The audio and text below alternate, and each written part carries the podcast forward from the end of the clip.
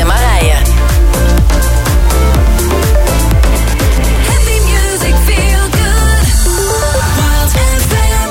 Vanuit de studio. We zijn er weer vanavond hier voor je om je een lekkere avond met de allerbeste gospel dance en een goed gesprek eh, te vullen deze woensdagavond. En dat doe ik natuurlijk niet alleen, want daar heb ik eh, Marije, mijn eh, vaste collega, weer hier naast me zitten. En hoe gaat het ermee, Marije? Ja, gaat goed. Ja, ja, ja. ik heb heel zin in het... in het geluksmoment natuurlijk. Ja, dat dacht ik al wel. Want, oh jongens, die socials die stroomden zo vol met al die dingen waar ze lekker mee bezig is. Dus ja, ik weet het al een beetje eh, Maar ja, we hebben vanavond natuurlijk weer een, eh, een gast uitgenodigd. En misschien gaan je oren wel heel erg gespitst raken. Want ja, wie heeft het niet? Iedereen heeft relaties. Of het nou is eh, met eh, vrienden, of met je, kinderen, of met je partner, of met je ouders. Maar toch wel de sterkste relatie is dat toch wel van, ja, van, van partners die, die voor elkaar kiezen. Die vaak een, een moment zeggen van yes, wij gaan ervoor. Wij willen trouwen of wij willen samenwonen. Wij gaan dat committen met een contract. Eh, kortom, ja, daar zitten heel veel... eh, Misschien ook wel ogen aan en eh, oren aan die je denkt later van oei oei oei, wat heb ik toch allemaal gedaan? Maar ja, daar hebben wij vanavond toch wel een ervaringsdeskundige ook voor in de studio uitgenodigd. Die heel veel ervan weet. En ondertussen ook daarin bij haar werk denk ik ook wel op de specialistenstoel zit. Het is niemand minder dan Nicole Bolweg. Welkom Nicole dat je hier bent vanavond. Fijn dat ik hier mag zijn. Ja, leuk dat je er bent. Ik ben heel benieuwd wat jij eh, ons gaat vertellen over eh, ja, de kracht van relaties. En hoe belangrijk het eigenlijk is in onze totale samenleving zelfs. Want het is niet alleen eh, onze onderlinge relatie met elkaar. Maar eh, natuurlijk ook, eh, denk ik, in de complete samenleving. En wat de impact eh, is eigenlijk van, eh, van een relatie. Ja, en eh, ik zou bijna zeggen, ik ben eh, begin al een halve relatietherapeut te worden. Maar eh, nou, dat laat ik aan andere deskundigen over. Want ik heb gewoon geweldig veel zin in natuurlijk. In Wild Fate geluksmoment. Dat geluksmomentje. En Ja. vertel, vertel Marije. Ja, ik, ik weet het al, maar de luisteraar nog niet. Ik had gisteren een uh, live sessie met Linda de Groot van Leven van Linda. Kijk, die hebben we al eerder hier gehad. Van waar doen ze het van? Ja, dat klopt ja. En Ja. wij, wij hadden dus een, eh, een gesprek over eh, moeders en hormoongeluk. Dat is een, eh, een eh, masterclass die we samen geven. En het was gewoon heel tof om samen met haar daarover in gesprek te zijn. Maar waar het niet zo dat toen ik haar, dat wij klaar waren met die live sessie, eh, ik iemand met een pallet aan zag. Een eh hormoongelukplanners, zeg maar. Dus de, de agenda die ik uitgeef. Die is dus eigenlijk twee weken voor due date op de stoep gezet. En, en dan ben ik wel een beetje nieuwsgierig als, als vraag. Was het bij je thuis of op de werk? Het was op eh, mijn kantoor. Ja, dus dan wordt het sjouwen naar boven. Ja, alleen ik heb beneden, dat weet je niet. Ik heb beneden een opslaghok. Dus ik heb één doos mee naar boven genomen om heerlijk te genieten van eh, de nieuwe uitgave. En de rest gaat allemaal beneden in het eh, magazijn. Oh, gelukkig. Nou ja, anders had je een extra workout gehad. Ja, dat was zeker zo. Ja. Ja, dat is een van de dingen die ik altijd adviseer, zeg maar. Dat je gewoon regelmatig echt ook ja, spiertraining moet doen, balanstraining, krachttraining als vrouw zijnde. Want dit is, ja, dat is dan natuurlijk echt voor vrouwen. Het gaat over hormonen. Om gezonde botten te houden en te hebben en te houden. Is dat echt enorm belangrijk. Dus dat sjouwen had nog niet zo verkeerd geweest, hè, Joost? Ja, voor eh, de volgende editie, die eh, nummer 2, de versie, hè, die gaat komen allicht. Ja, wellicht, dat gaan we zien. Maar eh, Nicole, ik ben wel benieuwd. Heb je ook iets waarvan je zegt... dat wil ik de luisteraar niet onthouden? Dat is een geluksmomentje of echt iets wat groot of klein is... wat gewoon mijn hart even doet opspringen. Nou, geluksmomentjes inderdaad. Ik had vanmiddag iemand aan de telefoon die belde over de relatiekaartjes die we gemaakt hebben. En die zei, ze zijn nog steeds niet aangekomen. En eigenlijk was het de bedoeling, we sturen ze gewoon op, want dat doen we. En die man die vertelde gewoon waar die mee zat. En dat ik hem echt heb verder kunnen helpen. En dat is dan soms zo'n klein momentje dat je er echt persoonlijk voor iemand kan zijn. En niet alleen een website, maar dat je dan denkt van... hé, hey, hier kan je echt een beetje betekenis zijn. En soms zit het gewoon in de hele kleine dingetjes. Wat goed zeg. Ja. Nou, we gaan zeker nog meer horen over gesprekskaartjes, relaties... en eh, nog veel meer. Dus dat eh, houden we lekker voor straks. En Joost, Ja, ik heb eigenlijk gewoon echt zo'n simpel ding. Maar het is toch gewoon, was gewoon leuk. Het was gewoon lekker eigenlijk. Want deze, tussen de middag had ik nog een eh, heerlijk een beetje zo'n lekkere veldsla. Hadden we over van gisteren met allerlei lekkere dingetjes erin. Appel en een beetje kaas en een beetje... eh, ja, eigenlijk van allerlei lekkere dingetjes, kartonnetjes.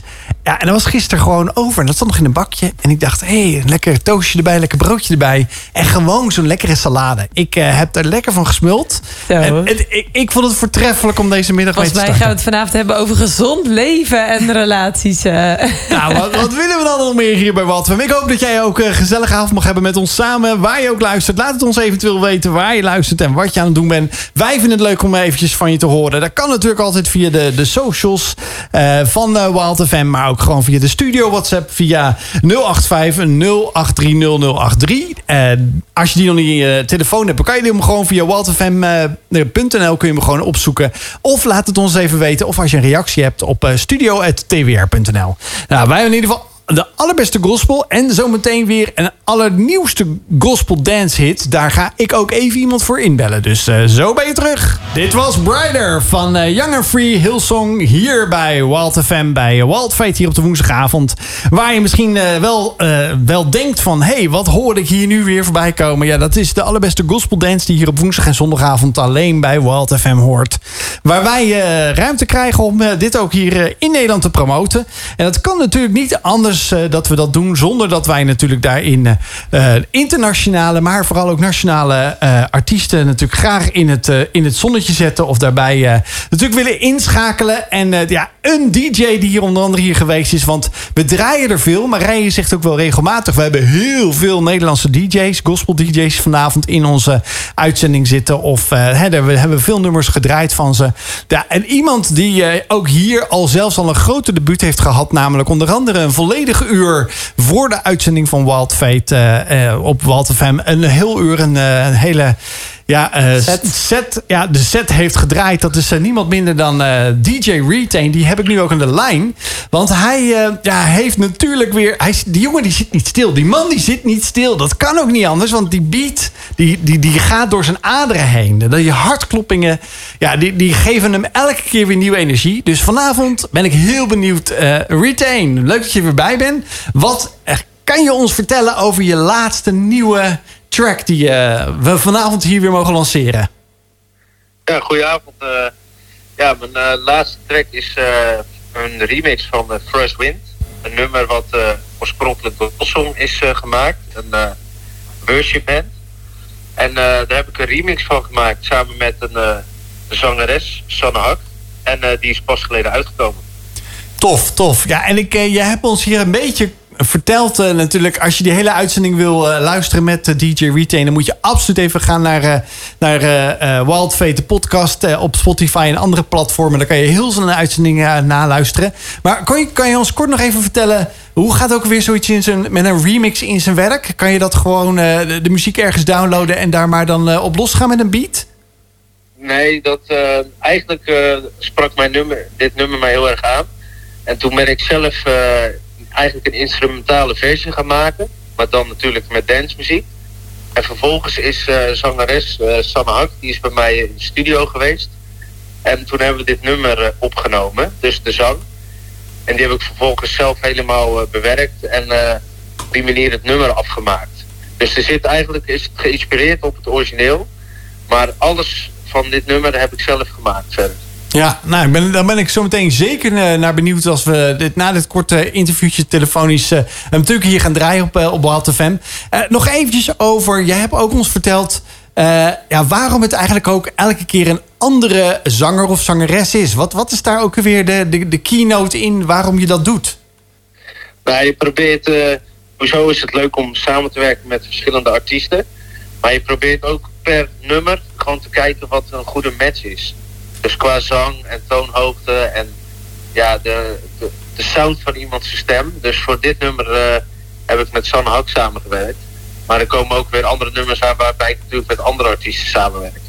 Ja, dat, dat kan ik niet, eh, niet anders van je verwachten natuurlijk. Dat er weer nieuwe nummers aankomen. Want volgens mij bruis jij, blijf jij bruisen van ideeën. Niet alleen in Nederland, maar hopelijk ook verder buiten, toch?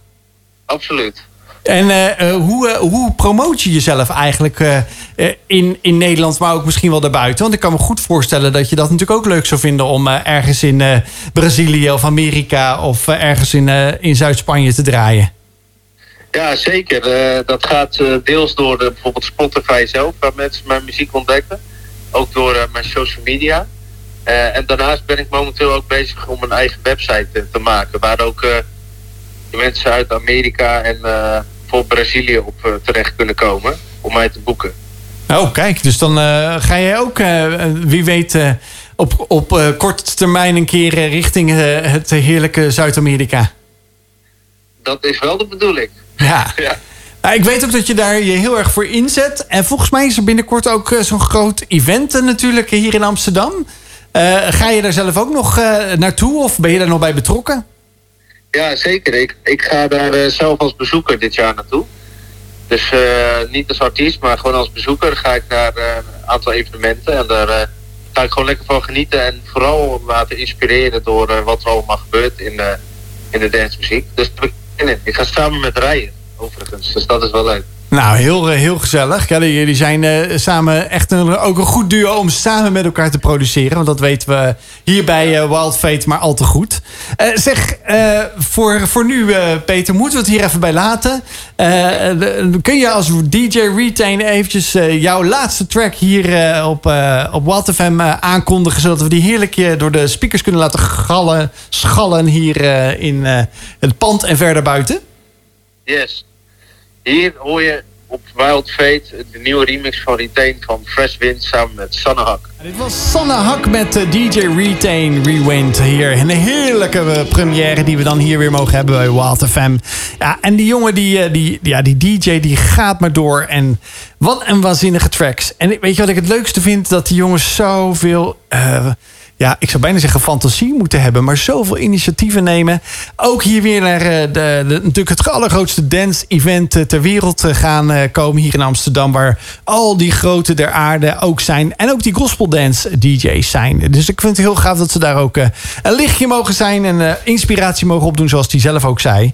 En ja, ben heel benieuwd wat de volgende track is die we weer van hem gaan draaien. En ik weet sowieso, Marije, we hebben ook jouw favorite met zijn nieuwste track ook vanavond in de playlist staan. Altijd goed. Dus de, wie weet eh, ga je hem vanavond nog lekker meeluisteren. Als je de komende eh, ja, anderhalf uur, bijna anderhalf uur nog lekker meeluistert. Met eh, het gesprek wat we hebben hier met Nicole. En ja, zoals ik al even in mijn introductie zei.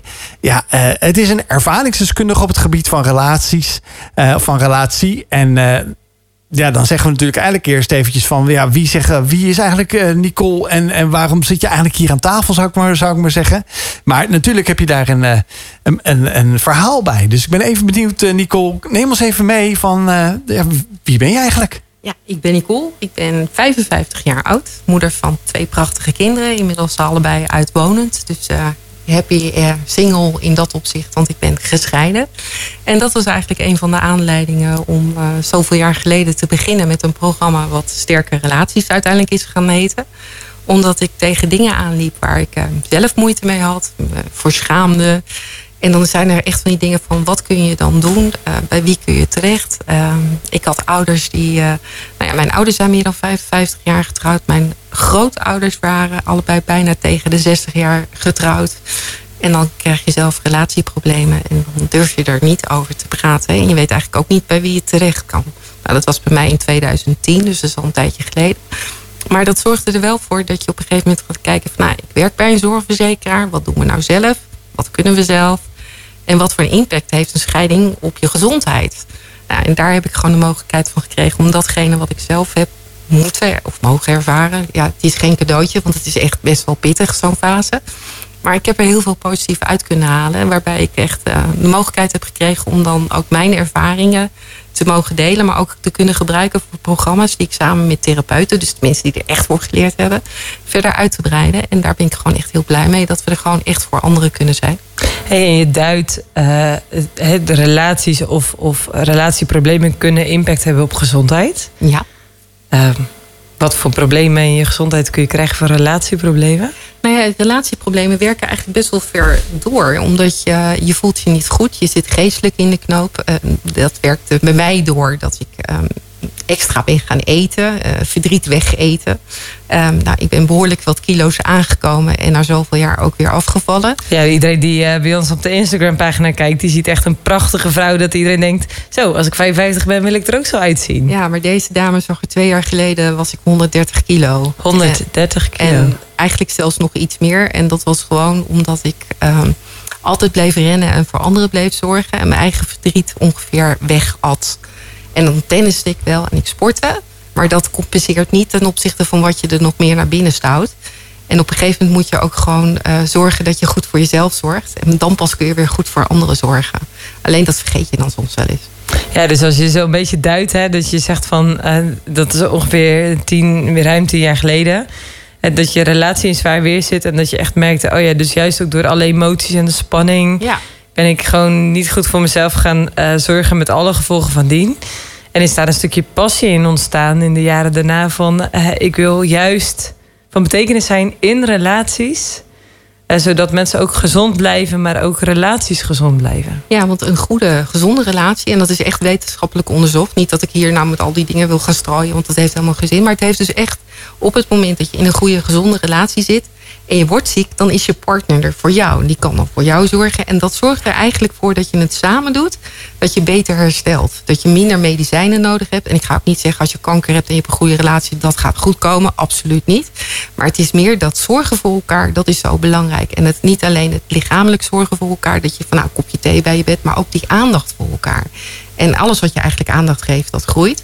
Maar het zorgt er dus ook letterlijk voor dat het niet alleen de partnerrelatie goed is, maar ook als je kinderen dus zien. Dat je als ouders om elkaar geeft, elkaar nou, af en toe een lekkere smakkerd geeft en gewoon aandacht geeft. Dat geeft zo'n goede band voor de kinderen ook om te zien hoe goed en belangrijk het is. En je ook goed hecht. En dat zijn dingen die van belang zijn. Ja, dus dan heb je het ook over thema's als hechting voor kinderen. Ja. Gezelligheid thuis, eh, gezondheid van partners, zeg maar. Ja. Dus eigenlijk zijn de gevolgen van, eh, of de impact van een gezonde relatie, een sterke relatie, dus gigantisch. is gigantisch. En als je ook ziet dat in Nederland zoveel alleenstaanden hebben, of alleengaanders, of hoe, nou, singles, wat je wil zeggen, of hoe je jezelf noemt. Maar we hebben eigenlijk ook een soort van woningtekort. Nou ja, maar ook gewoon zorgtekort. En als je langer alleen bent, dan ben je op een gegeven moment best wel een eigenheimer. Maar op het moment dat je 60, 70, 80 bent en je hebt zorg nodig en er is niemand die jou kan helpen, ja, dan, dan voel je je nog veel eenzamer, waardoor je dus nog meer in een spiraaltje naar beneden komt. Terwijl als je gewoon een goede relatie hebt en je kunt, en het hoeft niet altijd alleen maar een partner te zijn, maar ook met je ouders en met je vrienden en je buren, dan kun je gewoon zoveel meer aan als mens. Want dan ben je zelf ook van betekenis. Ja, maar als we kijken naar eh, duurzame relaties, dat is eh, eerder een uitzondering dan een eh, regel vandaag de dag. Ja, nee, dat klopt. En samengestelde gezinnen, ik, ik, ik verbaasde toen er echt over toen ik met dat programma onderdeel aan de gang ging. Dat, we hebben het altijd over huwelijken die uit elkaar gaan. Maar samengestelde gezinnen zijn vaak niet eens meer huwelijken. Dat, of, wel, wel of niet met een, een juridisch contract eronder liggend. Maar vaak is dat na drie jaar eigenlijk de eerste groep alweer uit elkaar gaat. En dan heb je het in totaal, op een gegeven moment heb je dan dat eh, nou ja, 70% van die relaties het niet haalt. Ja, dus die kinderen die hebben Zijn dus twee keer je hecht aan iemand. Ja. En, en dus met als gevolg dat dat weer stuk loopt. Ja, en dan kun je je voorstellen dat als je pech hebt, dan zijn je eigen ouders uit elkaar. Dan komen er nieuwe gezinsvormen, zowel aan de kant van mama als van papa. En als dat niet goed gaat, ja, wat voor voorbeeld geven wij ons aan onze kinderen? Van een relatie is dus iets wat inwisselbaar is. En als jij mij niet gelukkig kan maken of als het niet lukt, dan ga ik wel naar de volgende. Hoeveel opa's en oma's krijgen kinderen? En hoe zijn die gehechtingen met nieuwe broertjes en zusjes? En hoe ga je daarmee om? En ik, ik maak me daar echt ernstig zorgen over. Ik, ik woon zelf in het Gooi. En dat is natuurlijk aan de ene kant een hele enclave van waar alles kan en mag. Maar ik, ik heb vriendinnen die inderdaad die zeggen... dan moet je mensen gaan uitnodigen voor een verjaardagsfeestje. Van ja, welke opa's en oma's wel? En wie kan, wie, kan elkaar nog wel luchten of zien, bij wijze van spreken? En dan denk ik van ja, maar dat is niet meer de basis. De basis is eigenlijk je ouders die gewoon goed voor elkaar zorgen... en goed voor jou als ouder, eh, ouder en kind zorgen. Ja, en de maatschappij verandert, maar niet alle veranderingen zijn altijd zo even goed voor iedereen. Ik, ik merk wel in, de, in deze eerste alleen al een paar minuten dat je dit zit te vertellen, dat ik ook denk bij mezelf van. eh, iedereen snakt naar relatie. Iedereen wil eh, een connectie hebben met iemand of met iets, iets eh, bij iets betrokken zijn. Want als je inderdaad dat even zo opdreunt, als je uit elkaar gaat samengestelde gezinnen die weer uit elkaar gaan, die weer op een andere manier samengesteld worden.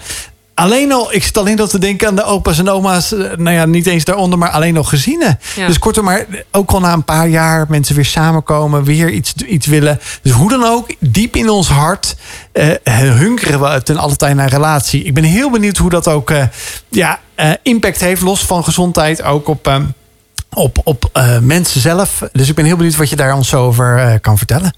Jesus loves Electro met het nummer Burning Love. Welkom terug bij Wild hier op Wild. Wij zitten vanavond in de studio met Nicole Bolweg. En eh, ze bev- ja, vertelt eigenlijk al heel bevlogen over haar passie voor relaties. Misschien wel vanuit haar eigen ervaring ook wel. Van, het is eigenlijk nog niet zo eenvoudig om een relatie gezond te houden. En de impact op, eh, op je eigen gezondheid, eh, op gezinssystemen, de kinderen. Vooral ook wanneer er samengestelde gezinnen komen. En ja, dat jij zei, 70% van de samengestelde gezinnen eh, gaan ook weer uit elkaar. Dus hè, wat, wat krijgt de samenleving, wat krijgen kinderen dan? Wat krijgen partners dan ook een hoop, ja, eigenlijk brokken op de weg eh, mee? Eh, wat, wat is eigenlijk hetgene dat je zegt, hè, ehm, Joost eindigen zo mooi net van eh, eigenlijk verlangt iedereen wel naar, naar relaties met elkaar. Is dat ook wat jij, wat jij ziet? Nou ja, eigenlijk, en dat heb ik van de relatietherapeut waarmee, waarmee wij samenwerken. Die zegt ook, een mens is een relationeel wezen. En dat houdt in dat we eigenlijk gemaakt zijn om een relatie met elkaar aan te gaan. En eigenlijk, als je het vanuit de Bijbel beziet. Eh, God schept Adam en uit zijn rib Eva, zodat hij niet alleen zou zijn. Dus het is eigenlijk al vanaf in den beginnen dat we gewend zijn, man en vrouw samen. En of dat dan inderdaad man-vrouw of een andere relatievorm is, dat wil ik dan even in het midden laten. Maar iedereen heeft eigenlijk wel behoefte aan iemand anders. eh, om, om samen dingen te delen. Ehm, je ziet dat de maatschappij verandert. Je ziet dat dingen ehm, anders gaan dan gewend. Ehm, vroeger was het huisje, boompje, beestje samen. Tegenwoordig zie je ook meer dat mensen zeggen... van, nou ja, ik heb al een relatie gehad. Ik ga niet meer samenwonen. Maar ik wil toch een partner hebben om samen leuke dingen mee te doen. Of mee ervaringen te delen. Is het vandaag de dag moeilijker, sorry, is het vandaag de dag moeilijker om een relatie gezond te houden dan vroeger? ik denk dat er veel meer uitdagingen zijn. En dat we aan de andere kant ook meer gewend zijn om eh, anders dan vroeger te denken. Mijn oma die eh, zei, en die is 92 geworden, die zei op een gegeven moment tegen mij van... Ik kom nog uit een periode dat als iets stuk ging, dat je het ging maken. En jij komt uit een periode dat als iets stuk gaat, dan gooi je het weg. En ik denk dat daar ook best wel waarheid in zit. Ja, want is dat ook hoe we dan in relaties met elkaar omgaan? Ik denk dat we Als het ingewikkeld wordt. Ik denk dat we dat wel doen. Van als jij mij niet meer gelukkig kan maken of als het moeilijk wordt, dat we toch sneller uitstappen. En ik denk dat het ook te maken heeft met economische mogelijkheden.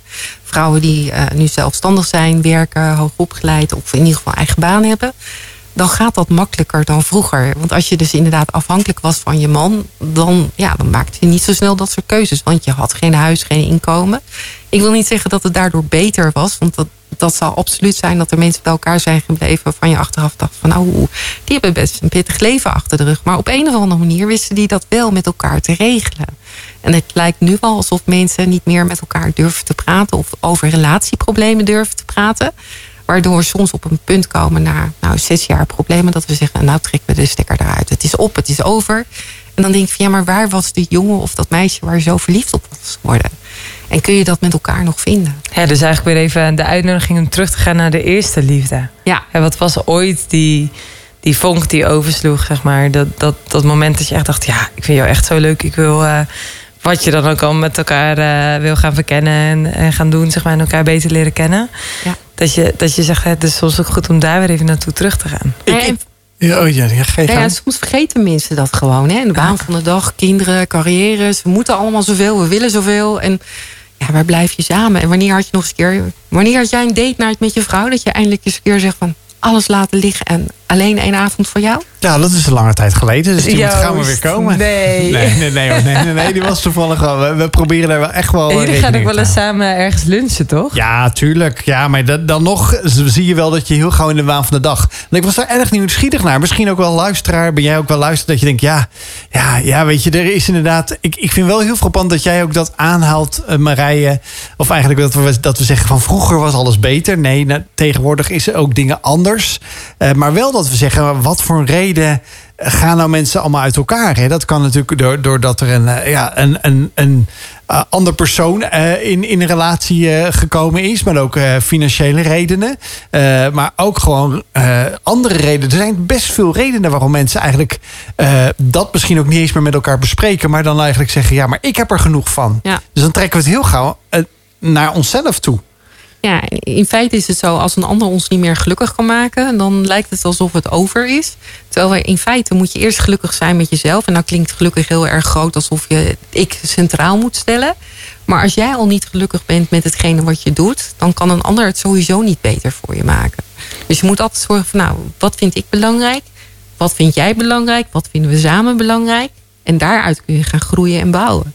Ja, dus eigenlijk ik vind het wel mooi. is, Eigenlijk zoeken we in een partner misschien wel heel vaak een soort van Jezus-figuur die ons leven kan fixen en alles goed kan doen. En wij, nee, met wel het feit zeggen dan heel vaak: het is zo mooi dat Jezus voor iedereen is. En eh, als je met hem ontdekt hoe het leven met hem is, eh, ja, dan kun je een bovennatuurlijk geluk ervaren. Want een partner kan, die zal altijd tekortschieten. Klopt. En je kunt ook niet van een partner verwachten dat die jou op alle fronten gelukkig gaat maken. Je moet ook accepteren dat een partner zijn eigen dingen heeft, zijn eigen uitjes, zijn eigen mogelijkheden tot ontplooiing, ontspanning. Vroeger was het zo dat de vrouw was thuis en zorgde voor het huishouden. En die zorgde dat daar alles goed werd geregeld en de man was buitenshuis.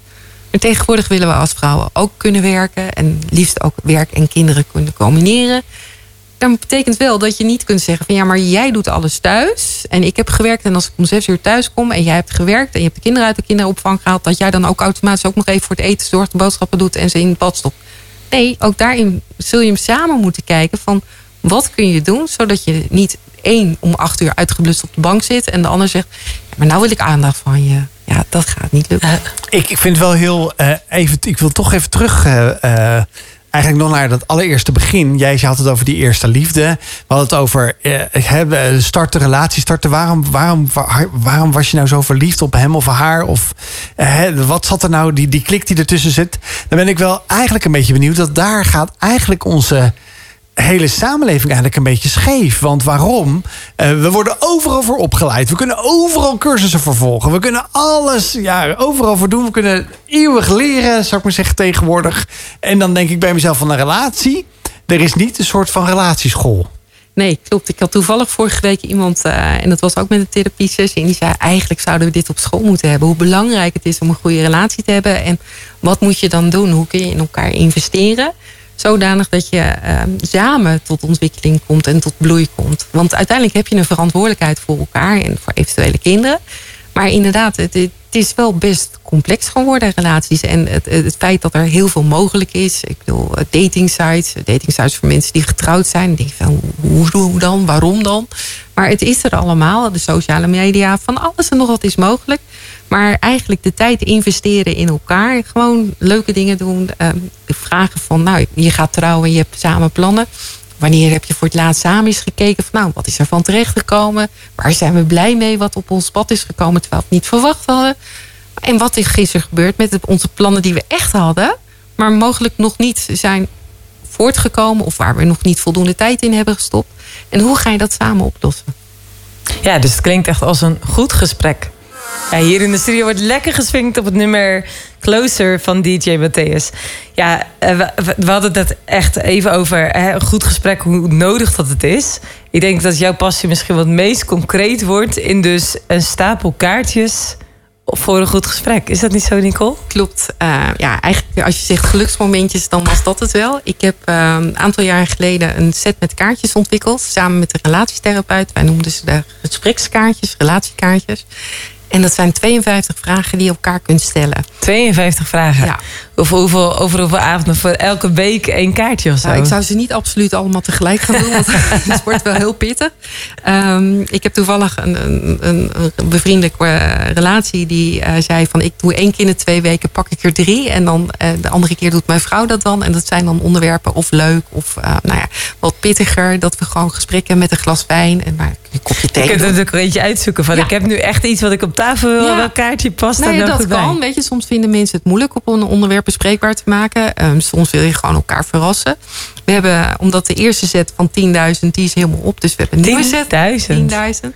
We hebben een nieuwe set gemaakt. En die heb ik eigenlijk passend bij een eh, programma met webinars gemaakt. En die gaan dan echt ook eh, verder dan het webinar gaat. Dus we hebben een webinar, krijgen mensen vragen, opdrachten, boekentips en dat soort dingen. En als je dan ook nog de gesprekskaartjes aanvraagt, dan kun je daar nog net even wat verder op doorgaan. Kun je eens een, eh, een vraag aan mijn schenen werpen? Oeh, ik heb vier onderwerpen. Want het, eh, de webinars gaan dus inderdaad over eh, relatie en geloof, hechting, communicatie, intimiteit en seks. Nou, de laatste is altijd hila- hilarisch, omdat mensen dat best het moeilijkste vinden. Die ga ik niet zomaar stellen. Ik ga gewoon even kijken welk onderwerp zou je willen. Ik heb ze hier voor me liggen. Ik doe het Eh, even blind. Doe maar communicatie. Ik had vorige week toevallig een eh jonge stellenkringavond over communicatie. Dus eh, Oké. ik ben Eh, voorbereid. stellenkring, wat is dat, eh, Marije? Ja, dus eh, wij hebben een gespreksgroep gestart eh, bij ons in de regio voor gewoon stellen die zeggen van hey, we willen dus het gesprek aan met elkaar over relaties. En eh, ik heb dat samen met mijn partner hebben dat opgezet. En dat is echt super vet. Omdat juist weten dan eens met elkaar. We zijn met z'n zessen, dus met drie koppels. Ja, en dat, de gesprekken die ter tafel komen, nou soms echt ook niet mis. Dat je echt denkt, oeh, ja, eh, leuk dat we dat hier met z'n zessen bespreken. Maar ook zo goed, omdat je met elkaar van elkaar ook leert. En, en ook merkt, je groeit er ook door. En je merkt ook, hè, zo, zo hebben we allemaal onze uitdagingen. En, en is het altijd de vraag van, hè, kunnen we ook begrip tonen en elkaar ook zien. En, en niet bezig zijn met wat krijg ik terug of waar heb ik recht op. Maar juist ook het geven, zodat je mag ontvangen.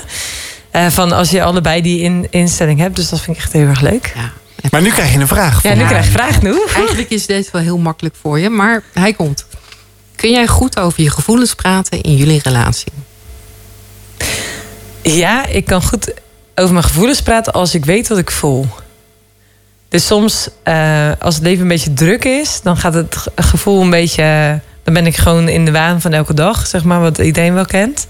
Ja. En dan vind ik het soms moeilijk om verbinding te maken met wat ik eigenlijk voel. Dus dan voel ik me soms gefrustreerd. Maar dan ligt er vaak nog wel iets diepers onder dan dat ik me gefrustreerd voel. Dus echt dicht bij mijn gevoel komen en daar dan over praten, dat vind ik, eh, dat, dat vraagt wel aandacht. Daar heb ik aandacht voor nodig. En jouw man, ja, ik wil niet, ik hoef niet op de inhoud in te gaan, maar hoe gaat hij daar dan mee om? Met mijn gevoelens als ik dat Ja? deel. Merkt hij Eh, dat er Afhankelijk van wat zijn gevoelens zijn. maar hij ziet vaak beter wat ik voel dan dat ik zelf door heb. Hij is een analytisch persoon. Ja. En dat is voor mij echt heerlijk, zeg maar. Bijvoorbeeld, eh, eh, ik, heb me natuurlijk helemaal verdiept in hormonen. En als ik ergens, zeg maar, al in mijn cyclus eh, ging richting menstruatie of zo... dan wist hij als geen ander eh, hoe het ervan stond. Ik krijg dan zo'n opruimwoede. Altijd heel handig, heel functioneel. Maar dat hij echt zei, oh ja, het is weer zover. Dus zeg maar, maar ook op emotioneel eh, gebied kan hij dat altijd goed zien. Oké. En Dus dan dat is er dus ook begrip voor even die tijdelijke periode. Ja, zeg maar, tenzij we in een conflict zitten, dan, eh, dan, dan duurt het wat langer voordat we elkaar begrijpen en begrip tonen voor elkaar. Maar over het algemeen wel, ja. Dus ik ben, ik weet, ik heb gewoon de leukste man ever. Ja. Nou ja. Maar dat is ook heel fijn, ook voor hem om te horen. ja. Ja, het is, eh, het is een eh, vaste luisteraar, zou ik bijna zeggen. Dus nou weet je er ook gelijk weer van. eh. bonuspunten vanavond. Jonas, heb Ja. jij een onderwerp waarvan je zegt... daar durf ik ook wel een kaartje van te trekken? Het was communicatie. En ja, die hebben we Hechting. gehad. I- Hechting, geloof Seks. en intimiteit en seks. Maar ja, dat is natuurlijk een hele moeilijke. Want als hechting? Hechting? Hechting, dat is een hele mooie. Daar vergeesten mensen zich soms in. Eén op de twee Nederlanders is niet veilig gehecht. Dat kan heel klein zijn, dat kan heel groot zijn... maar heeft een behoorlijke impact op je relatie. Daar gaan we. Op welke manier kreeg jij als kind liefde en troost? Ehm, ik denk dat mijn ouders van het, eh, van het geven van cadeautjes waren. Hè? Dat, hun, dat hun in ieder geval een taal van, van liefde was. En eh, ja, er was ook wel eh, eh, tijd. Dus er was ook tijd. Eh, dat, dat, was, dat was absoluut thuis. Eh, een, een lastige voor mij in het in gezinsverband is dat is wel heel lang geleden al. Maar toch denk ik dat dat een impact op mijn hele leven heeft. eh, geha- eh, of nog steeds heeft. Is dat ik eh, eh, ben, ben geboren met een, eh, met een hersenvliesontsteking. dus de eerste zes weken van mijn leven in een ziekenhuis heb gelegen. Ja, en daar eh, heb ik zelf ook wel door ontdekkingen, door allerlei eh, trainingen te hebben gevolgd. Eigenlijk niet eens voor mezelf, maar voor anderen. Maar dat ik daar aanwezig was. En ik ook wel gehoord heb wat de impact is voor, voor kinderen. als ze eigenlijk niet in de eerste ja, weken direct aan de, ja, aan de, dicht bij de moeder, bij de vader zijn. En dat- je dan allerlei dingen hoort. wat kinderen, wat baby's allemaal eigenlijk zien, voelen, horen.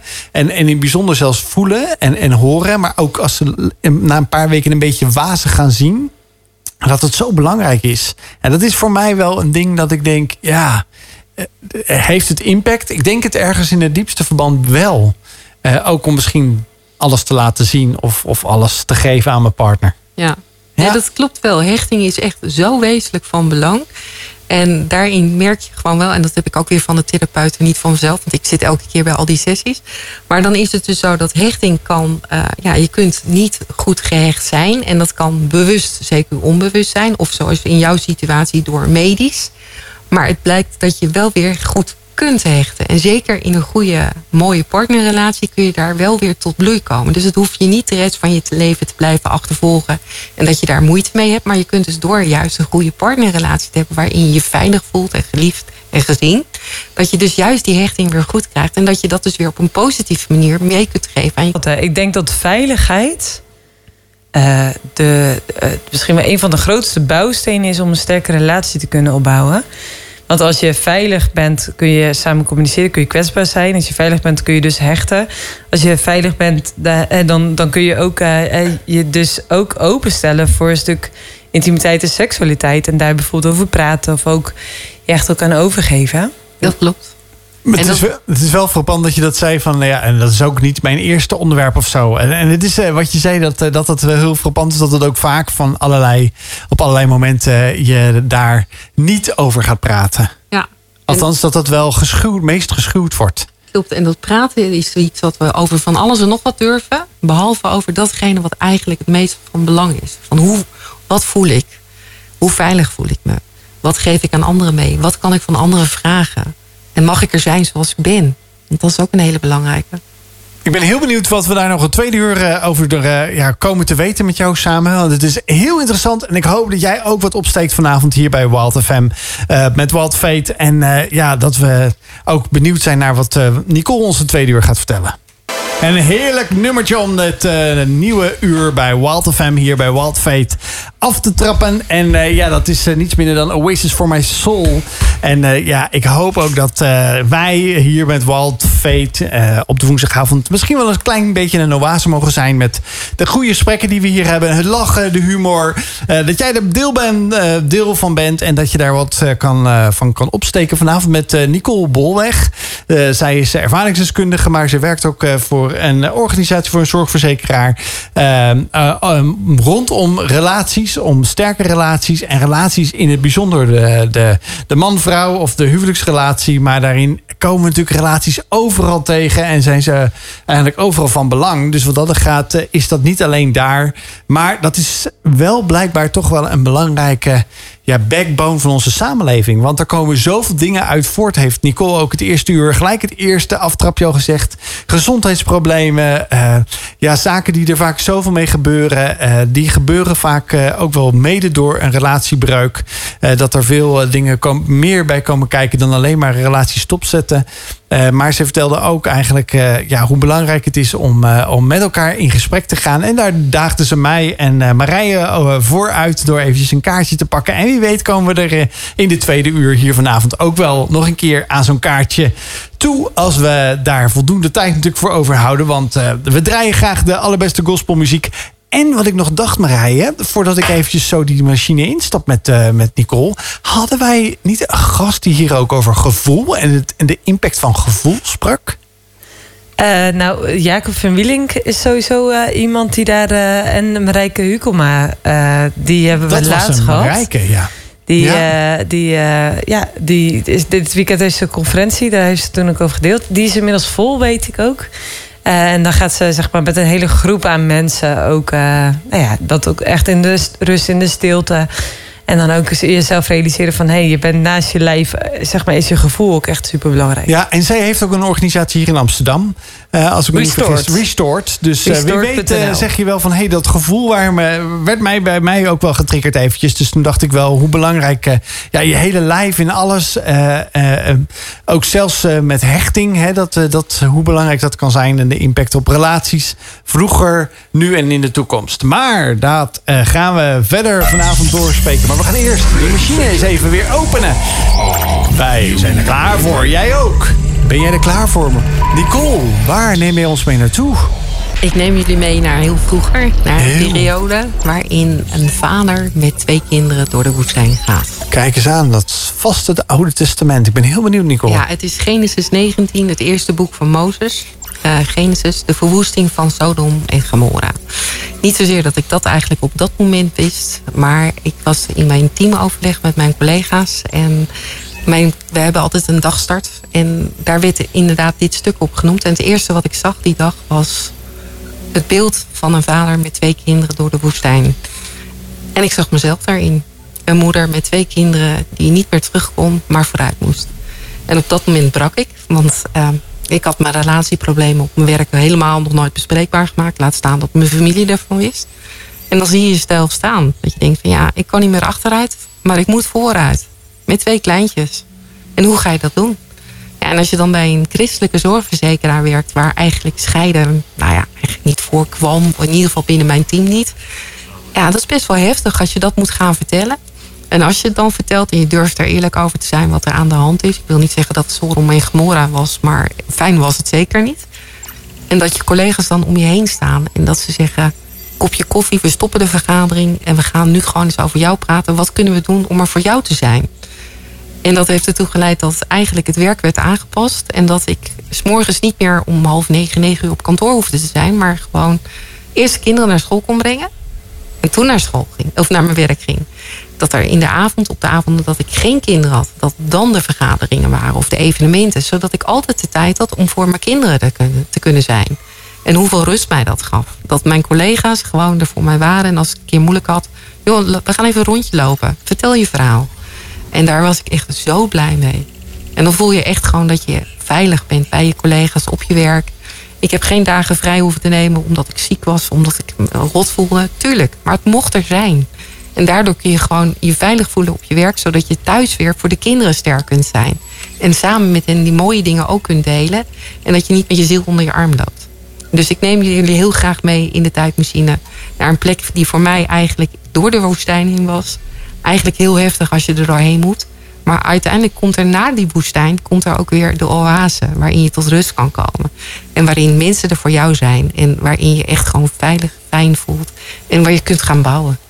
Catching Fire van Salt. Nou, eh, le- lekkere upbeat en nummer eh, na zo'n eigenlijk heel heftig en kwetsbaar verhaal van Nicole.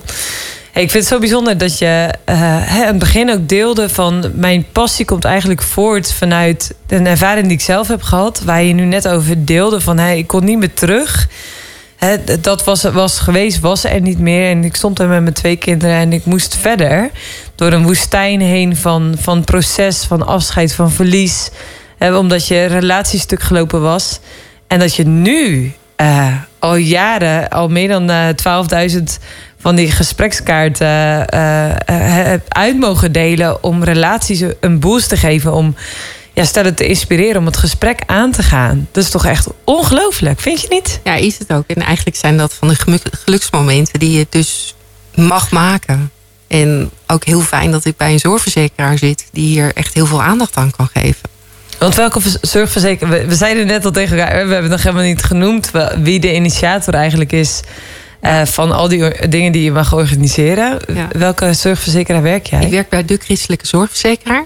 Eh, dat was voorheen bekend als ProLife, de christelijke zorgverzekeraar. We hebben vanaf 1 september een nieuwe naam. Wij zijn onderdeel van Zilveren Kruis. En daardoor hebben we eigenlijk de mogelijkheid om naast het verzekeren van mensen... ook dit soort mooie programma's te mogen maken. Ja, want je, je hebt dan een programma voor koppels, voor partners. Eh, wat voor mensen kunnen zich daarvoor aanmelden? Nou, in principe is het programma voor iedereen toegankelijk. Eh, voor klanten hebben daarbij ook vergoedingen voor relatietherapie, eh, relatieweekenden, maar ook voor de marriage course, de pre-marriage course. Maar in principe zijn alle onderdelen, eh dus de relatiekaartjes, maar ik heb ook werkboekjes, een, een online programma. Mag iedereen aan meedoen? Dus ook als je geen klant bent bij Ook jullie... als je geen klant bent. Het enige wat we je vragen is van nou, geef je NAW-gegevens. Zeker als je de relatiekaartjes wil hebben. We moeten ze toch maar je op kunnen sturen. Want ze komen niet automatisch in je brievenbus binnen. Maar andere programma's dan eh, vragen we je gegevens. Dat we eenmalig een keer een offerte mogen sturen. Van kijk, vind je ons wat? Misschien wil je ook bij ons verzekerd zijn.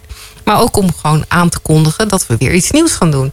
Want het mooie van dit programma is, is dat ik elk jaar eigenlijk een nieuwe zak geld krijg om verder uit te breiden.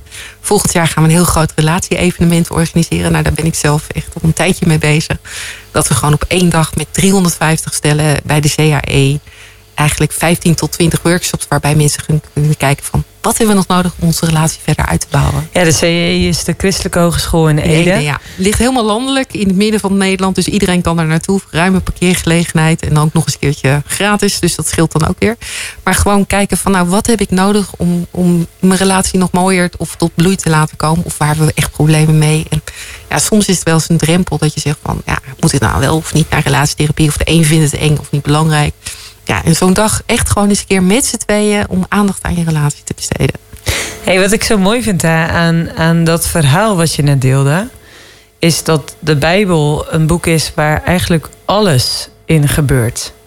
Eh, wat je ook meemaakt of in wat voor situatie je ook zit, ehm, daar, daar komt eigenlijk elk stukje. Je kunt, iedereen zou zich in een stuk Bijbel kunnen herkennen. Is dat ook jouw eh, ervaring, zeg maar, eh, met dit verhaal? Dat je echt zei, ik zag echt mezelf soort van gaan met die twee kinderen. Dat je echt, echt merkt, hé, maar dit gaat dus ook over mij. Dat klopt, omdat eigenlijk, ehm, ik, ik heb al een keer eerder gezegd, ik ben katholiek opgevoed, eh, wel naar de kerk, mijn ouders gelovig. Maar op een gegeven moment laat je het een beetje los in je leven. Tenminste, ik. En dan, dan ga je eh, studeren, werken en eh, kinderen. En dan aan de ene kant wil ik het heel graag meegeven. Mijn kinderen hebben echt een hele plank vol met kinderbijbels. Omdat ik dat leuk vond om uit voor te lezen. Maar soms lees je wel, maar lees je niet echt. En eh, soms komt iets echt heel hard binnen. En dat was dus inderdaad op, moment, op dat moment met mijn werk. Dat ik dacht van ja, maar dit gaat gewoon keihard over mij. En hoe mooi is het dan dat op dat moment dat je echt op het allerdiepste voor jezelf zit, dat er dan een groep collega's is die om je heen gaat staan. En dat is denk ik ook wat geloof biedt. Niet alleen, niet veroordelend, maar wel zorgen voor elkaar. Ja, en dus dat, dat wat je eigenlijk duidde. Elk, we zijn als mensen relationele wezens. We hebben relaties ook nodig.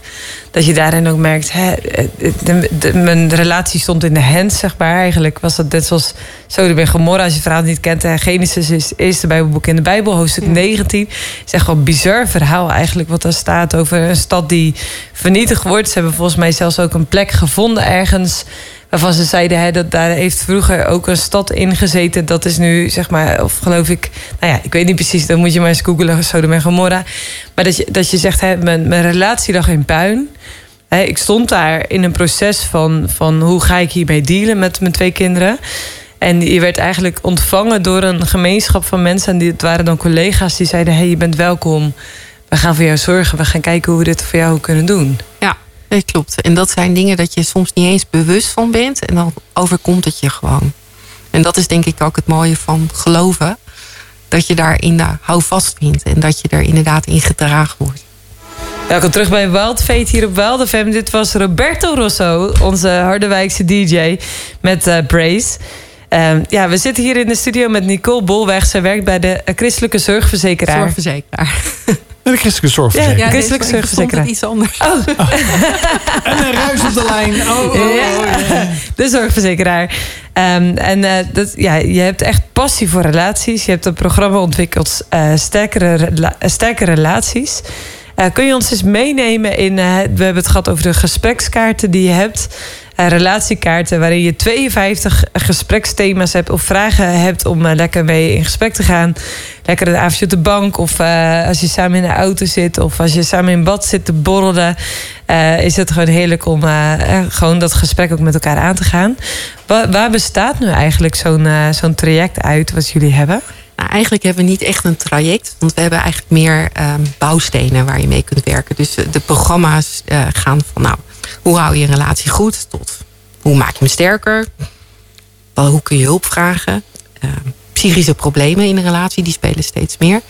Eh, uit elkaar gaan en gezinnen samenvoegen. Dus dat zijn de vijf fases die we hebben. En eigenlijk hebben we daar doorheen lopen dat je voor gewone stellen hebt. Eh, stellen extra hebben, noemen we dat. En dat zijn eigenlijk mensen die te maken hebben met psychische problemen in hun relatie. Merken dat dat steeds meer speelt. Wat zijn bijvoorbeeld psychische problemen in een Uh, relatie? iemand die depressief is, of iemand die nou, eh, te maken heeft met ADHD of andere geestelijke problemen. Dat geeft best wel een impact op een relatie. Want op het moment dat je verliefd wordt op elkaar, dan is die roze wolk. En dan is alles leuk en gezellig. En dan doet iedereen zijn best. En op een gegeven moment verval je toch weer in je gewone patroon. En zeker als er kinderen komen, dan wordt het denk ik heel moeilijk. En hoe ga je dan met elkaar om? Want je kan niemand veranderen. Iemand is zoals die is.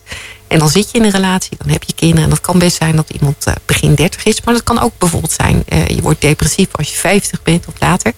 Dan zie je dat rollen veranderen. Dan zie je dat je partner wordt niet alleen je partner, maar die wordt dan ook een soort van mantelzorger. Of die zorgt voor je, die zorgt dat je op tijd bij de arts bent. Maar die zorgt er ook voor dat jij dus gewoon staande blijft. Maar ondertussen gaat dat ten koste van de partner. Want die kan niet meer elke dag doen waar die zelf zin in heeft. Of, want die moet extra zorgen. Financieel zorgen of zorgen dat de boekhouding gaat. Of, en hoe ga je er dan mee om? Want de wereld om je heen wordt dan kleiner. Want je hebt extra taken. Ehm, maar ook voor de partner die depressief is. Die kan in één keer dingen niet.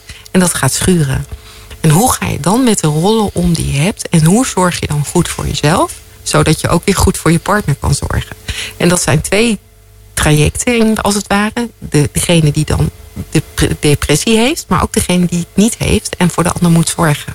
En daar hebben we echt ook een, een programma voor, een werkboekje voor, zodat je kunt kijken van nou, wat zijn de handvatten, zodat je daar samen doorheen komt. Want het is niet zo de bedoeling dat je zegt, ja, maar nu ben je ziek en ja, jij vraagt zoveel van mij, nu is het klaar. Nee, je hebt juist die relatie samen. De ander kan er niks aan doen, maar je moet er wel samen wat aan doen om het gewoon goed te houden met z'n tweeën. Ja, en dat wordt dan heel erg moeilijk. Al hebben we het in het eerste uur over. Hè, wat is in dit voor me? Ja. Hoe kan ik gelukkig zijn?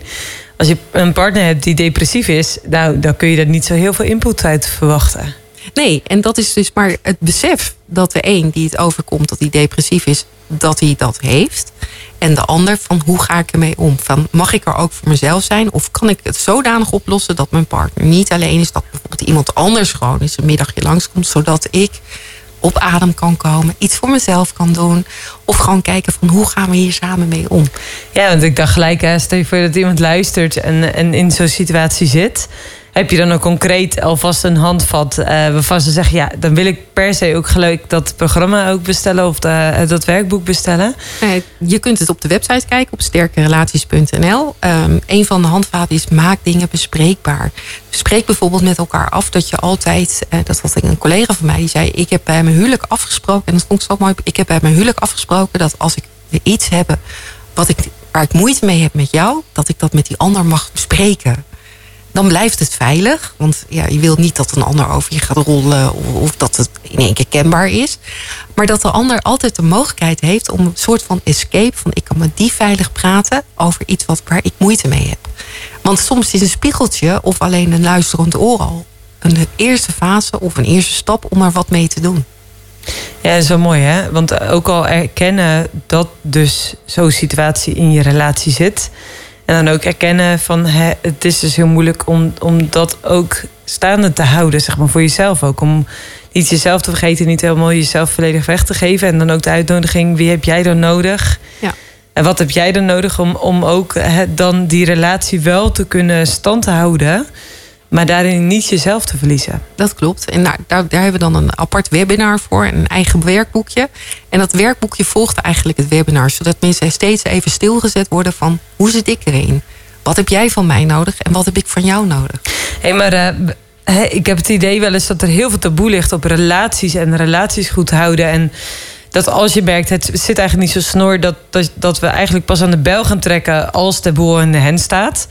Maar dit is helemaal een thema waar volgens mij echt enorm veel taboe op zit. Maak je bespreekbaar dat een van de twee eh, eh, psychische problemen heeft. Eh, geef je dat überhaupt zelf aan aan je partner? Of loop je daar alleen mee te worstelen?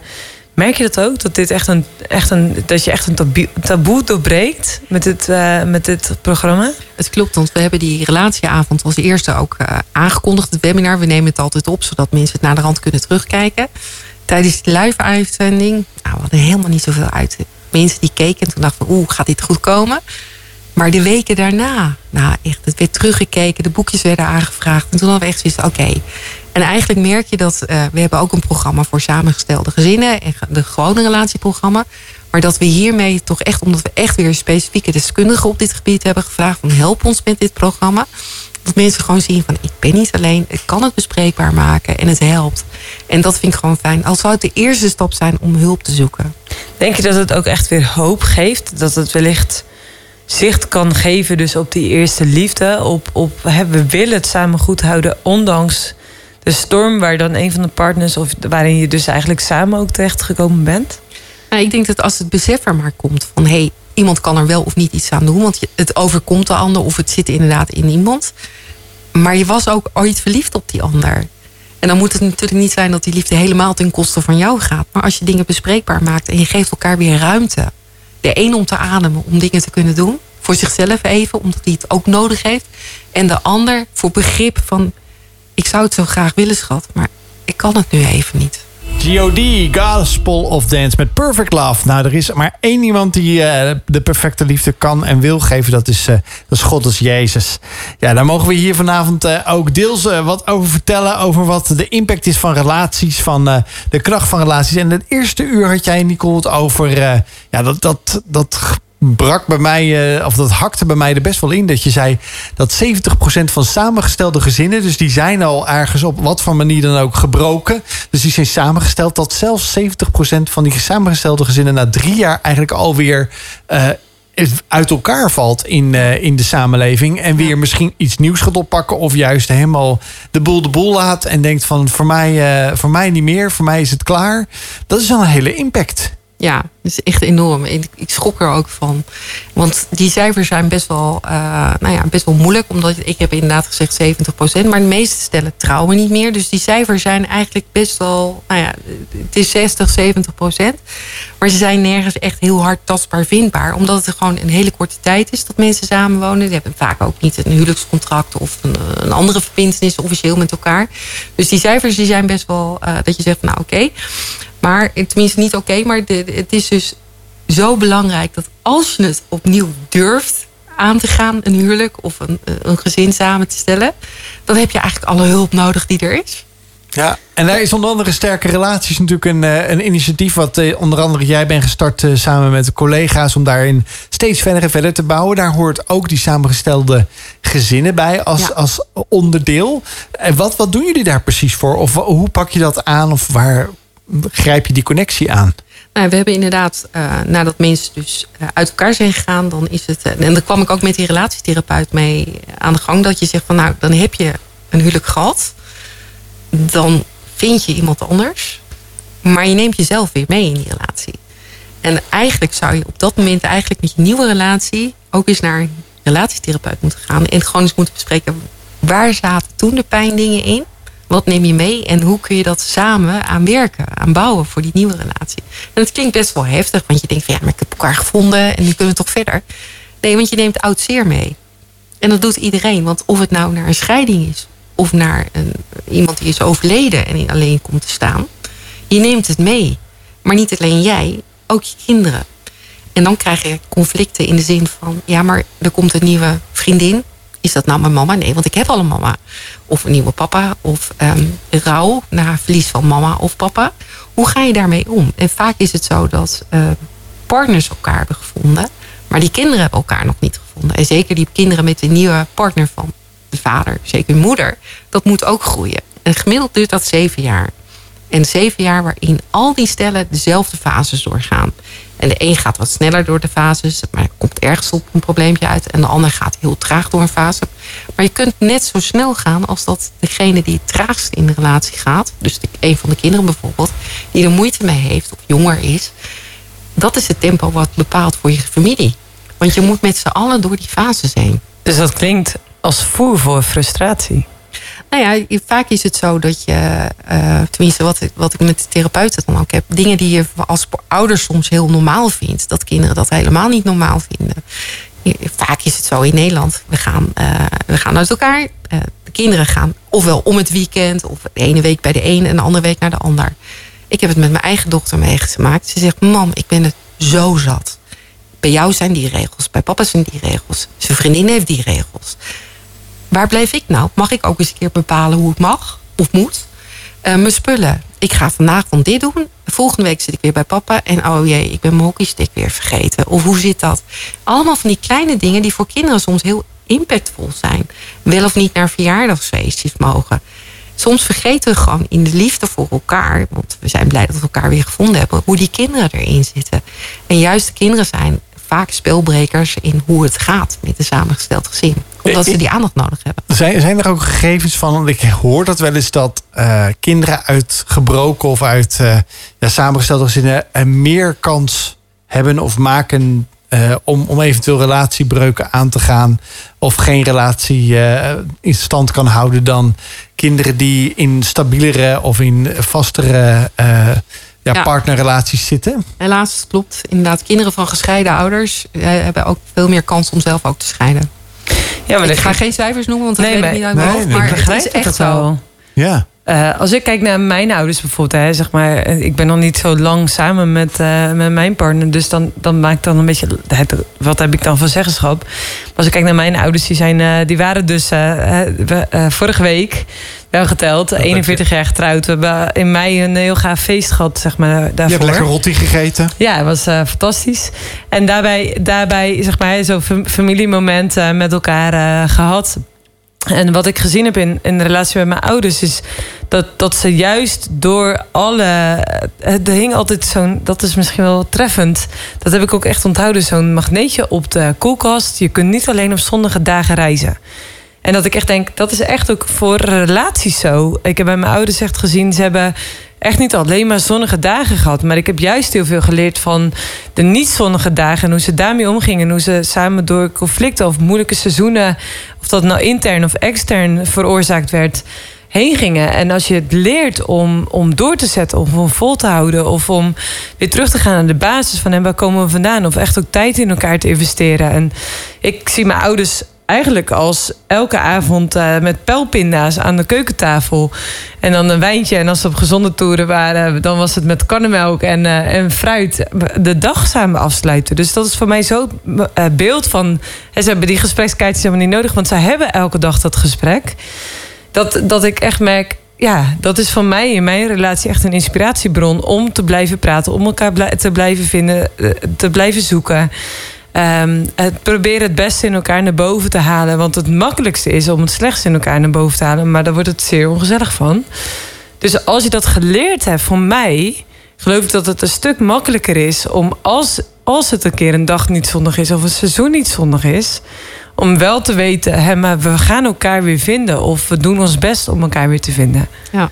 Nee, ik herken het. Mijn ouders waren dus ook gewoon 57 jaar getrouwd. De hele familie. En toch overkwam het me. En dan is het iets wat je met z'n tweeën... als je dat niet met z'n tweeën goed weet vast te houden... en als je partner daar gewoon toch in loslaat... ja, dan dat, komt aan als een bom. Want je voelt jezelf een mislukkeling als het dus niet lukt. Ja.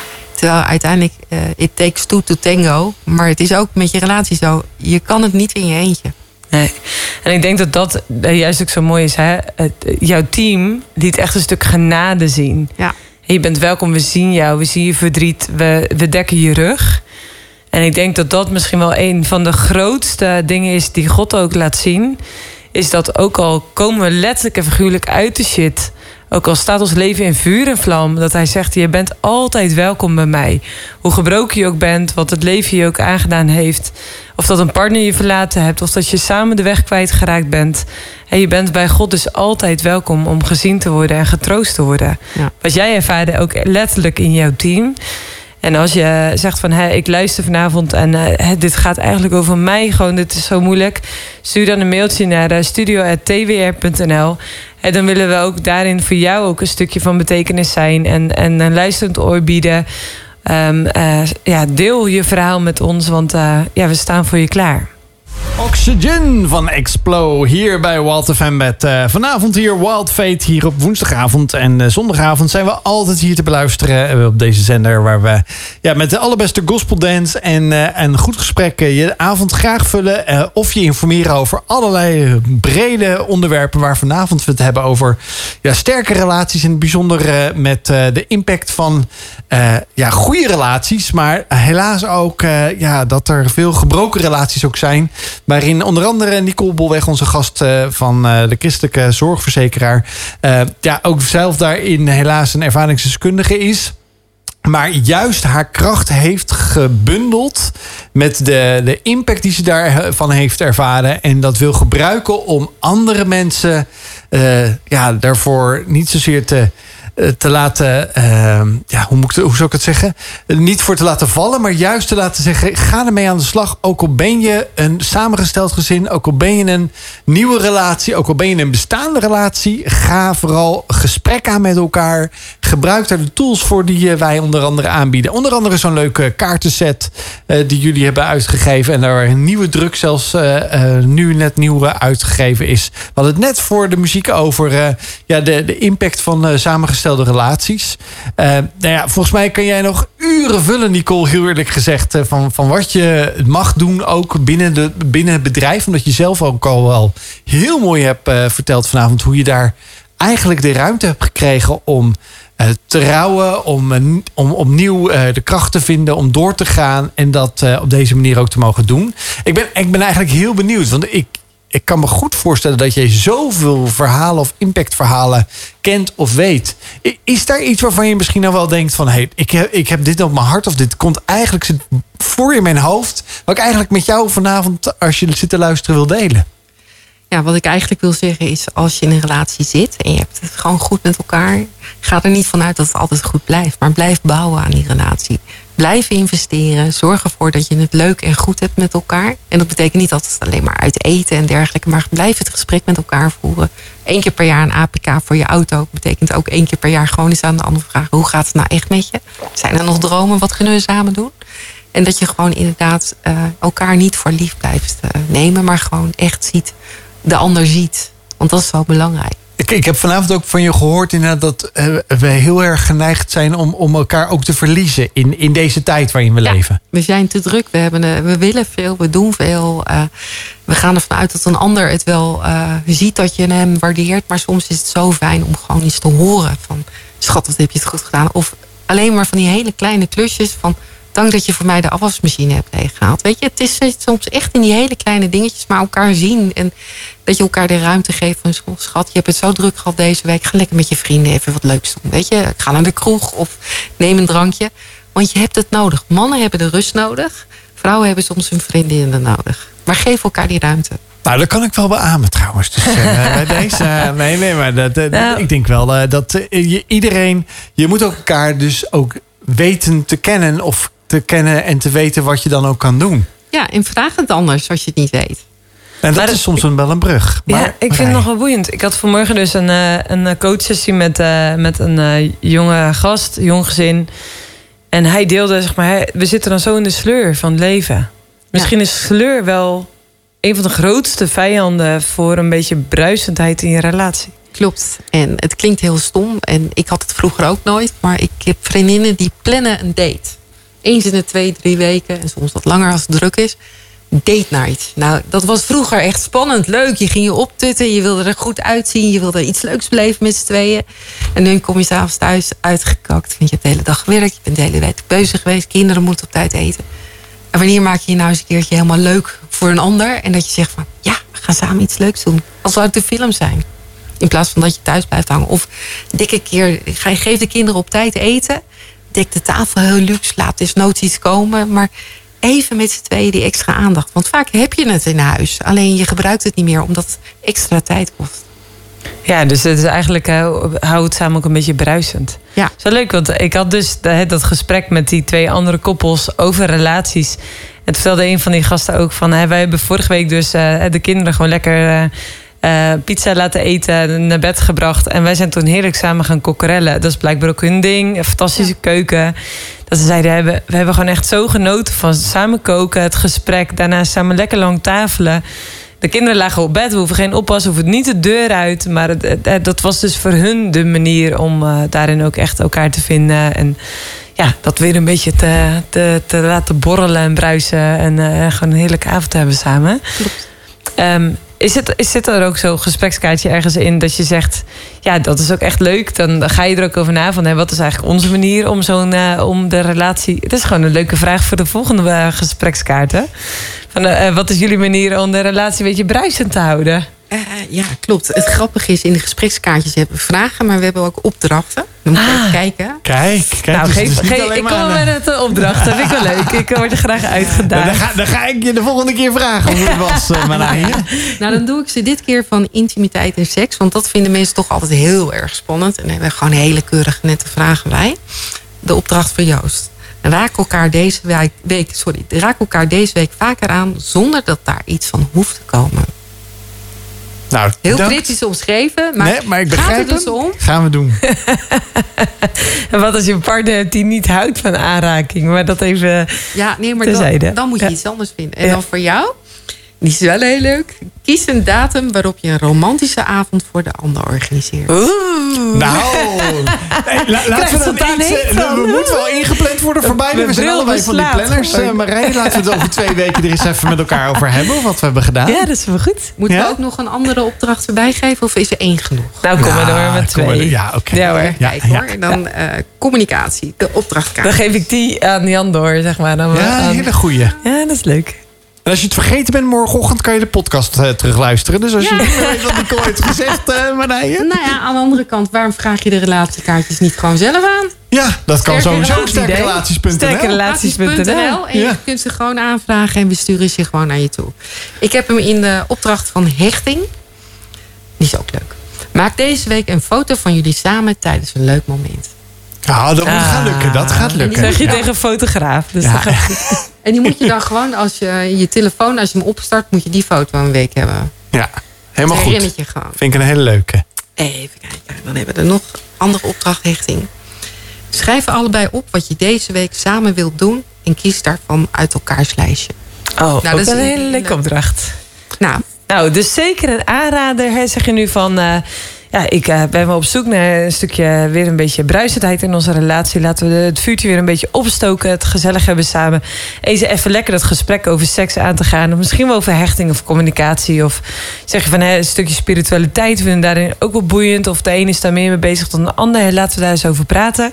Sterkerrelaties.nl, dan kun je dus ofwel een programma ook helemaal bestellen... of de gesprekskaarten die dan thuis gestuurd worden voor niks. Nou ja, kijk, bestellen klinkt heel raar. Het is gewoon, je meldt je aan en dan krijg je het gewoon eh, per gratis. mail opgestuurd. Of je krijgt werkboekjes.